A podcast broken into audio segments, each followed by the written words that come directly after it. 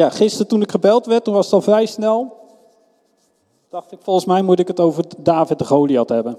En uit, de oude, de, de oude, uit het Oude Testament de verhalen kunnen we volgens mij heel veel van leren. Principes die we over kunnen zetten in het Nieuwe Testament, in het leven van nu. En ik wil eigenlijk eerst een beetje door dat verhaal heen gaan.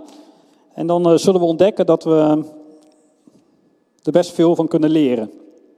Nou, zoals jullie allemaal weten, jullie kennen het verhaal denk ik. Hè? De Israëlieten en de Filistijnen stonden tegenover elkaar. Er zat een dal tussen, zat ruzie. Waarom weet ik niet, zal wel landjepik geweest zijn. Alleen de Filistijnen hadden een reus, Goliath. Die was echt heel groot. Ik las nu het verhaal en er was dus iemand die liep met hem mee om zijn schild te dragen. Dus dat is ook wel, uh, wel handig. Het zal wel een zwaar ding geweest zijn dan, denk ik. Die liep met hem mee. En dan uh, stond hij onder in dat dal en dan stond hij te bulden, waarschijnlijk te vloeken. Nou, kom dan, uh, wil je, kom dan. Wie durft er met mij te vechten? Wie durft het aan? Nou, die soldaten van de Israëlieten, die, die stonden te beven als een rietje. Maar ik zat me te bedenken, Goliath kwam ook niet verder. Goliath kwam ook niet door het dal heen en die ging gewoon naar deze elite toe. Die bleef daar ook staan. En dan ging hij daarna weer terug. Dat deed hij twee keer op een dag. Dan kwam hij, dan liep hij daar even te schelden en te tieren en te doen. Stond deze elite te beven, hij stond te blaren en dan ging hij weer terug. En deze elite ging ook weer terug. Dat ging 40 dagen lang zo door. Dus dan moet jij even inbeelden, hè? 40 dagen lang. Dan kwam die weer die berg af het dal in. Dan kwamen deze elite, die gingen weer in de frontlinie staan. Zoals ik het nu ook ongeveer doe, omdat ik het koud heb. en, uh, uh, en dan ging hij weer terug, 40 dagen lang. Wat, uh, nu werd Jozef, die werd naar, of Jozef, David werd naar zijn broers gestuurd. Met wat eten en wat drinken. En dan komt hij daar aan. En daar wil ik een, uh, een stukje van lezen.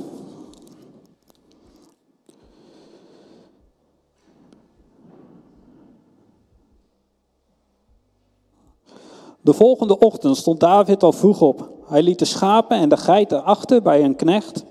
Hij deed alles wat Isaïe, zijn vader, gezegd had en hij ging op weg.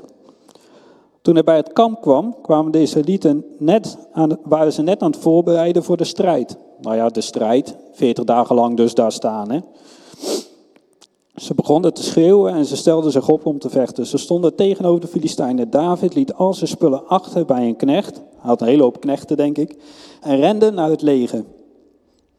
Toen hij bij zijn broers kwam, vroeg hij hoe het met hen ging.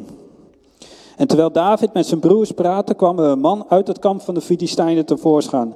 Het was een sterke, grote soldaat, Goliath, die uit het leger van Gad kwam. Hij begon te schreeuwen zoals hij dat elke dag deed. David hoorde wat hij zei. Toen de soldaten van deze elite Goliath zagen, werden ze bang. Ze vluchtten weg. En ze zeiden tegen elkaar, heb je die man gezien? Hij wil maar één ding, hij wil Israël vernederen. Degene die hem verslaat, krijgt een grote beloning. Hij mag de dochter van de koning trouwen. En de koning zal hem rijk maken. Bovendien hoeft zijn familie geen belasting meer te betalen. Nou ja, dat zou op zich sowieso al mooi zijn. Als je de strijd overleeft, hoef je voor het leven geen belasting meer te betalen. David zei tegen de man om hem heen, wat gebeurt er met, die, met de man die Goliath verslaat? Wat gebeurt er als iemand Israël bevrijdt? En daar is eigenlijk het eerste ding. David die zegt, wat gebeurt er met de man die Israël bevrijdt? Niet wat gebeurt er met de man die Goliath verslaat. Hij vraagt wat gebeurt er met de man die Israël bevrijdt. En dat is denk ik waar we donderdag over hebben gehad. En dat zie je elke keer terugkomen, een stukje koninkrijk. De cultuur van het koninkrijk. David denkt in het koninkrijk. Niet in wie die man verslaat, maar hij denkt wie bevrijdt het koninkrijk van Israël. Denk je ongelovige Filistijn dat het leger van de levende God niks waard is? Dus je ook weer het leger van de levende God. David denkt helemaal in het, in het wij. Die ziet Goliath niet als tegenstander van hem, maar die ziet Goliath als tegenstander van het koninkrijk van God. En het grappige is, dat in vers 23 staat, David hoorde wat Goliath zei. En in vers 26 staat, de, uh, denkt die ongelovige Filistijn misschien dat het leger van de levende God niks waard is? En daar zie je al een verschil. David was niet bang, zoals de Israëlieten. Hij hoorde wat Goliath zei, ja. Maar hij zei, wat denkt die kerel wel? Wat voor mafkees is dat, dat hij dit tegen het koninkrijk van God, tegen Israël, durft te doen? Zie je al het verschil van kijk op dezelfde situatie? David ziet het, David hoort het, maar hij bekijkt het van een andere kant.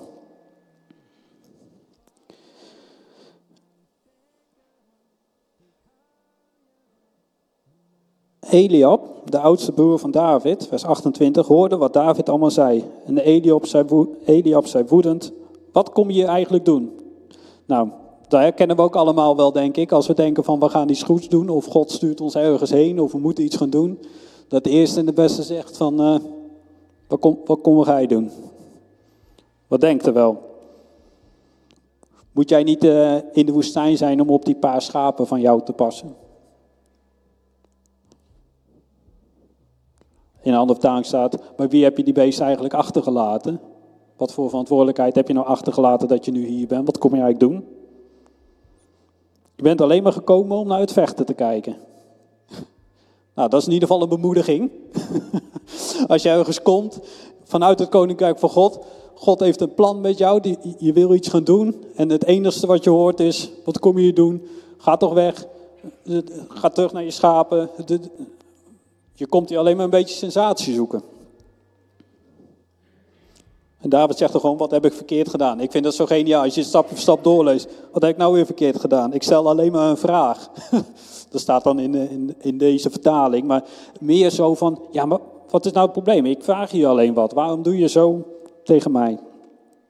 Waarschijnlijk omdat ze al merkte dat David op een andere manier keek. In vers 30 staat, toen draaide hij zich om. Hij draaide zich om van alle kritiek, van alle vragen, van alle belemmeringen, van alles wat hem tegen kan houden. Hij draaide zich om. Uiteindelijk komt hij bij, uh, bij de koning, bij Saul. En dat vind ik ook mooi, dat hij wel naar de verantwoordelijke toe gaat voordat hij gaat vechten met Goliath. Dus hij gaat eerst naar Saul toe, of wordt gevraagd bij Saul. Nou, Saul zegt, dat kan je helemaal niet. Dat red je helemaal niet, je bent veel te klein, je bent maar een jongetje. Waarschijnlijk ergens tussen de 16, 20 jaar in die uh, de richting. Maar toen zei David, ik pas vaak op de schapen en de geiten van mijn vader. Soms komt er een leeuw of een beer die mijn schapen grijpt. Dan ga ik er achteraan en sla ik het wilde dier neer. Ik red het schaap uit zijn bek en als het wilde dier tegen mij opspringt, grijp ik hem bij zijn keel en dood ik het. Nou ja, dat vind ik op zich al redelijk uh, heldhaftig. dat zou ik niet doen, denk ik. Ik heb dus leeuwen en beren verslagen. En met die ongelovige Filistijn zal het net zo gaan. Ik vind dat zo mooi. Dat is weer compleet vanuit het koninkrijk, de cultuur van God gedacht. Wat denkt die gozer wel niet? Dat hij tegen het koninkrijk van God kan opstaan? En met die ongelovige Filistijn zal het net zo gaan. Want hij denkt dat het leger van de levende God niks waard is. Het is elke keer wij. Het is elke keer het leger van God. Het, het, het, um, uh, het leger van de levende God. Niet hij tegen Goliath, het leger van God. En de Heer heeft mij al zo vaak geholpen als ik aangevallen werd door leeuwen en beren. Hij zal mij ook nu helpen.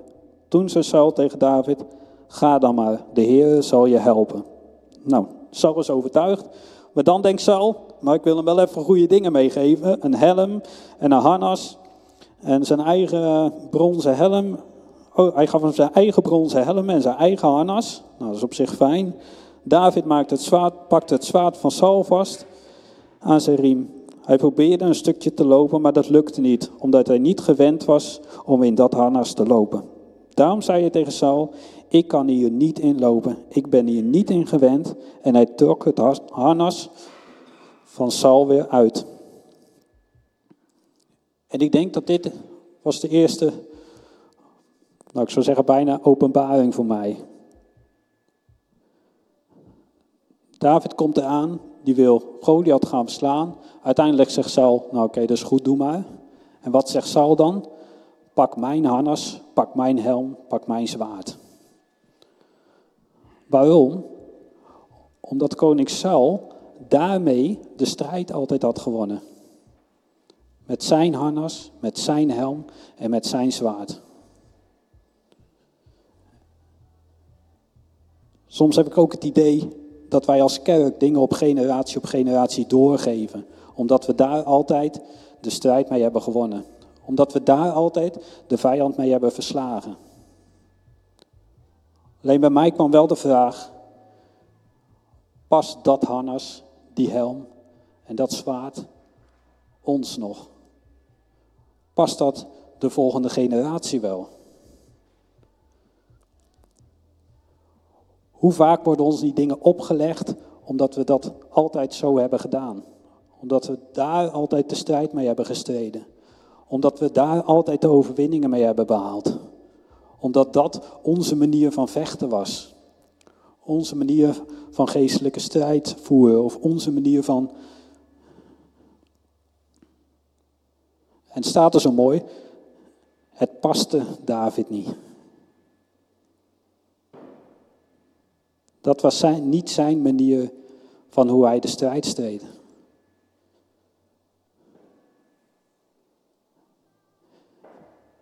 Ik denk dat hij zijn strijd streed bij de schapen in stilte met zijn harp in gebed. Een hele andere manier. Niet met een schild, niet met een helm, niet met een zwaard. Hij trok het harnas van Saul weer uit. Toen pakte David zijn stok. En daarna zocht hij naar, naar, in een kleine rivier naar gladde stenen voor zijn slingerwapen. En die stopte hij in zijn tas. En terwijl hij naar David liep, hield hij zijn wapen in de hand. Toen ik dat stukje las, toen dacht ik, Menno heeft daar een preek over gehad, over die vijf stenen. Waarom hij die één bij de rivier heeft gehaald, waarom het er vijf zijn en welke vijf het zijn. Dan mag je zelf terugkijken.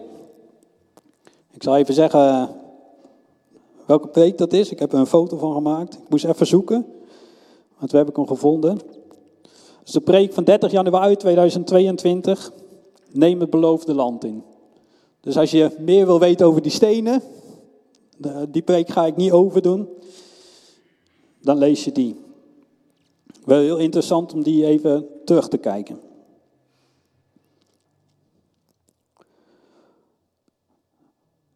En terwijl hij naar Goliath liep, hield hij zijn wapen in zijn hand. En Goliath kwam steeds dichterbij en voor hem liep een knecht met een schild. Toen zag Goliath dat David een knappe jongen met rood haar was. En omdat David nog heel jong was, begon Goliath hem belachelijk te maken. Hij zei, ben je soms een hond, kom je naar me toe met een stok. Mijn goden zullen ervoor zorgen dat het slecht met je afloopt. Maar kom maar hier als je durft, dan voer ik je aan de vogels en de wilde dieren. Nou, die heeft de gave van bemoediging, denk ik, Goliath. Maar David zei, jij vertrouwt op je wapens. Wat Saul eigenlijk ook deed, hè, want die gaf ook katana's en zijn wapens. Maar ik vertrouw op de machtige Heer. En de God die het leger van Israël helpt. Jij denkt dat die God niks waard is, maar vandaag zal de Heer ervoor zorgen dat ik jou versla. En ik zal je hoofd afhakken. En ik zal de andere Filistijnen, ik zal de andere Filistijnen voeren aan de vogels en de wilde dieren. Hij zegt zo mooi, ik zou jouw hoofd eraf hakken, maar hij had helemaal niks om eraf te hakken. Dus dat moest je ook nog krijgen, want hij had alleen een slinger bij zich. Dan zal iedereen weten dat de Heer iemand zonder wapens kan laten winnen. Want de Heer beslist wie de strijd zal winnen. En hij zal mij helpen.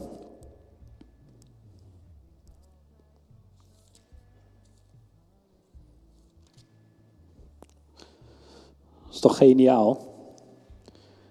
Je ziet een regelrechte confrontatie op een compleet verschillend vlak.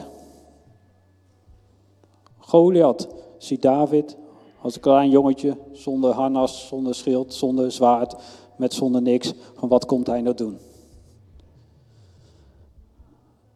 David kijkt naar Goliath En dan ziet hij dat hij een schild en een zwaard heeft. Maar David ziet iemand die het leger van God, het koninkrijk van God aanvalt. En David is degene die daar gaat staan en zegt, ja maar ik weet zeker, God gaat mij de overwinning geven, want jij maakt het koninkrijk van God niet kapot, vriend. En zoals ik leeuwen en beer heb verslagen, zal ik ook jou verslaan. Omdat David zo goed was met zijn slingers, met zijn slingen. Nee, dat geloof ik. Ja, hij zal er best goed mee geweest zijn. Maar hij zegt, God gaat de strijd voor mij winnen. Jij komt met je schild en je zwaard, maar God zal mij helpen. Nou, vervolgens uh, um, komt die steen natuurlijk in zijn hoofd, dan valt hij op de grond. En, en doodt hij hem. Nou, daarna gaat uh, David erheen, pakt hij het zwaard van Goliath zelf en hakt hij zijn hoofd ervan af. En toen opeens hadden de mannen van Israël, die juichten en die achtervolgden de Filistijnen. Toen hadden ze weer lef. en toen gingen ze er weer voor. En zo overwon uh, de Israëlieten de strijd.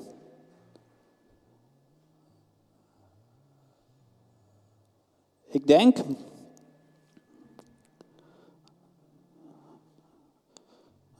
dat het zo belangrijk is dat we gaan leren hoe het koninkrijk van God werkt. En we hebben het de afgelopen weken zo vaak over gehad, over kijken en zien. We kunnen kijken naar dingen, maar we kunnen het ook zien met de ogen van Jezus. En dat geldt hier in de gemeente, geldt ook voor jouw persoonlijk leven, geldt ook voor je werk, geldt ook voor je baan, geldt ook voor je vrije tijd die je hebt.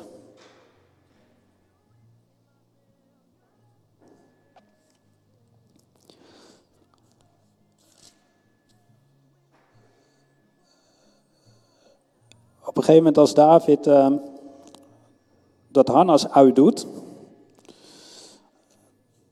daarmee kwam ik eigenlijk bij Efeze 4 terecht.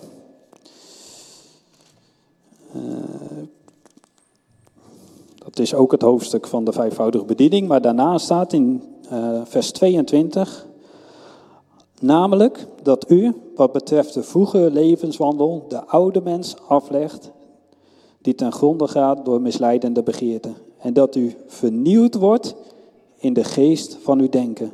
En dat u bekleedt met een nieuwe mens die overeenkomstig het beeld van God geschapen is in de ware rechtvaardigheid en heiligheid. En ik denk dat wij als gemeente, heb ik zo het idee, dat we mogen gaan leren om een nieuwe waarheid te zien. Niet de waarheid van deze wereld. Niet de waarheid van onze opa's en oma's, onze voorouders en iedereen. Maar de waarheid van God. Gods koninkrijk. Gods cultuur. Het koninkrijk van God. En wat ik vanmorgen, wat ik net al even zei, van de liefde en, de, en, en, en het welkom wat mensen hier voelen, is er al een aspect van. Ik denk dat we op een hele nieuwe manier mogen gaan kijken. Ook op een nieuwe manier naar de plek waar we wonen, hier in Tiel. Op een plek waar we de gemeente zijn. Zo vaak zien we de problemen buiten, of de, nou ja, het lege buiten, of de Goliath buiten van de problemen. Hoe komen we hier doorheen? Hoe krijgen we die tielenaren hier allemaal in de kerk om Jezus te leren kennen? Maar ik probeer om te kijken naar hoe Jezus kijkt. Wat ziet Jezus nou? En dan vind ik het zo bijzonder dat ik vrijdag op die conferentie was, dat we voor elkaar aan het bidden waren. En dat iemand zei, ja, ik zie een kerk in, in, in Tiel, midden in de stad. Hij zegt, ik zie het echt als een licht, als een fakkel. Nou, hoe vaak dat al niet voorbij is gekomen, de afgelopen half jaar denk ik. Een licht, een fakkel, een vuurtoren. Het komt elke keer terug. En daar mogen we ons denk ik aan vasthouden. En laat daarbij je denken vernieuwen. Alsjeblieft, vraag God erom. Laat je denken vernieuwen naar het koninklijk denken van het koninkrijk. Dat is compleet anders dan deze wereld. Maar het is zo belangrijk. Als we verder willen, als we door willen breken, als we willen groeien in, in de diepte, in relatie met God, dan moeten we het oude harnas afleggen. Ons oude leven afleggen, onze oude gewoontes afleggen, onze oude dingen, hoe we het altijd hebben gedaan. Het was goed toen, het was goed. Maar God zegt, vernieuw je denken. Doe een nieuw kleed aan, doe nieuwe dingen aan. Een nieuw mens moet je zijn. En de vernieuwen van het denken gaat altijd door. Dat stopt niet. En elke keer denken we weer dat we er zijn en denken, oh nee, God heeft weer iets nieuws. Of we ontdekken weer iets nieuws. En zo zal het zijn met die vijfvoudige bediening. Ik geloof dat God ons daar in ons denken wil vernieuwen, om daar iets nieuws in te brengen, om nieuwe dingen van het koninkrijk te laten zien. En zo zullen nog heel veel dingen komen, geloof ik, waarin we mogen vernieuwen. En God nieuwe deuren wil openen om nieuwe dingen te geven. Dingen die nog niet eerder zijn gegeven. En ik hoop dat jullie daar met ons mee doen. Je hart openstellen, je denken openstellen. Om te laten doen wat God wil doen. Misschien is het spannend, misschien is het een beetje gek. Maar God wil zo graag wat geven. Het tweede, wat ik jullie wil delen, is dat we allemaal wel een Goliath in ons leven hebben. We allemaal dingen die ons tegenhouden. Wat zal die wel niet zeggen? Wat vindt die van mij? Ik ben al zo vaak op mijn muil gegaan, moet ik nog een keer. Ik heb het al zo vaak geprobeerd, het lukt toch niet. We hebben allemaal die dingen. Ver weg of dichtbij. We hebben allemaal een of meerdere Goliaths in ons leven. En wat ik uit dit verhaal leer, is dat de Israëlieten, die staan nog 40 dagen, ochtend, middag, avond, tegenover die Goliath. En David komt met een nieuwe blik, met een nieuw zicht op de situatie. En ik wil jullie gewoon vragen, heb je, dat weet je zelf heel goed, heb je een Goliath waar je al 40 dagen, 40 jaar, 40 weken, symbolisch al een lange tijd tegen aan het knokken bent. En je hebt maar het idee dat je niet overwint. Vraag dan iemand anders. Dat iemand anders is met een slinger slingeren. Dat iemand anders is. Geef iemand anders eens toestemming in je leven om daarin mee te denken. Om daarin mee te helpen. Om misschien met een andere kijk, met een andere visie, met een ander zicht vanuit het koninkrijk van God de strijd voor je te strijden. Hoef het niet alleen te doen. We zijn met elkaar. We zijn een koninkrijk. Het koninkrijk van God. We zijn gemeente met elkaar. En ik wil je echt vragen, heb je dingen, heb je Goliaths die je niet verslagen krijgt? Vraag gewoon iemand. Vraag dat iemand met je bidt. Vraag dat iemand met je meedenkt. Vraag of dat iemand je helpt. En ik zou zeggen, doe dat ook vandaag. En gelijk opnieuw vandaag. Heb je iets? Heb je een Goliath? Kom vandaag gewoon naar iemand toe na de dienst. Naar Harry, naar mij, naar Stephanie, naar Marie, weet ik veel. Zoek iemand op en vraag iemand om te helpen. Want ik geloof dat God daardoor wil werken, wil zegenen en je weer een stap verder wil helpen. Laten we binnen. Zullen we gaan staan?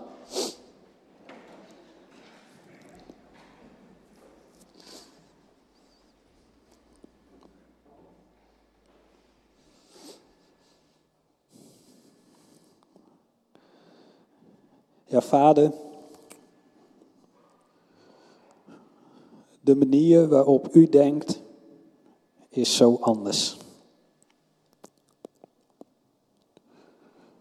U ziet de dingen zo anders dan dat wij er naar kijken. En vader, u zegt zelf, voor mij is niets onmogelijk.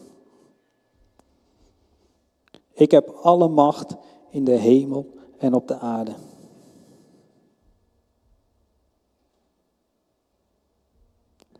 U bent trouw en uw liefde houdt stand.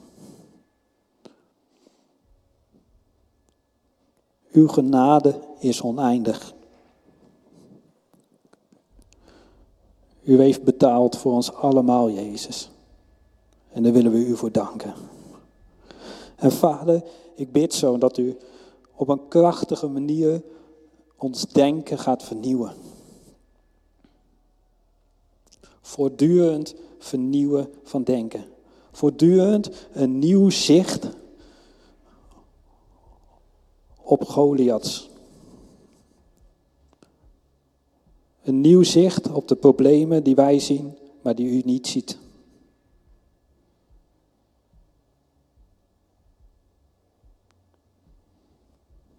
David zag het, David hoorde het, vader, maar hij keek op een hele andere manier. Hij zag iets heel anders dan dat de Israëlieten zagen. En vader, ik bid zo dat u dat in ons hart legt. De nieuwe manier van kijken. Een nieuwe manier van zicht op dingen. Dat niet de aardse dingen leidend zijn, zoals Goliath elke keer leidend was, want hij kwam naar beneden en dan kwam de Israëliet aan de frontlinie. Hij gaf de leiding aan hoe het ging. Maar vader, dat we de leiding bij u zoeken. Dat ons zicht op u gericht is en niet op de Goliath. Vader, en ik wil u danken dat we de Goliaths gaan verslaan. Dat u de overwinning geeft. Dat u overwinnaar bent. En dat we het stukje voor stukje meer mogen zien.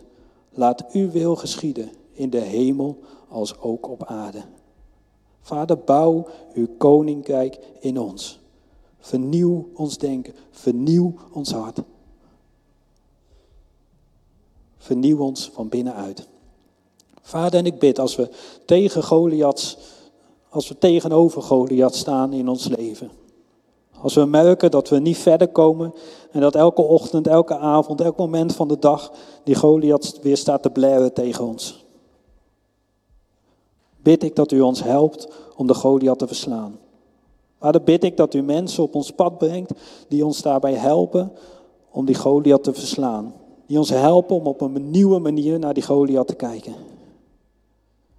En dank u wel dat u helpt om te verslaan. Niet de macht van wapenen, niet de kracht van geweld, maar uw naam. Uw naam, Jezus. Heilige Geest, zo bid ik dat u ons leven van top tot teen vult. Vernieuwt, kracht geeft. En dat we een overwinnend leven mogen leven. Niet door ons goede doen, maar enkel en alleen uit de genade van Jezus die aan het kruis is betaald. Jezus, we kunnen u niet genoeg bedanken. En vader, we willen opnieuw een stap zetten om ons leven aan u te geven, aan u toe te wijden. En alles wat ons bezighoudt, alles wat we doen, in het teken van u te zetten. Vader, we houden van u. We verlangen naar u. En neem ons leven in uw hand. In Jezus' naam. Amen.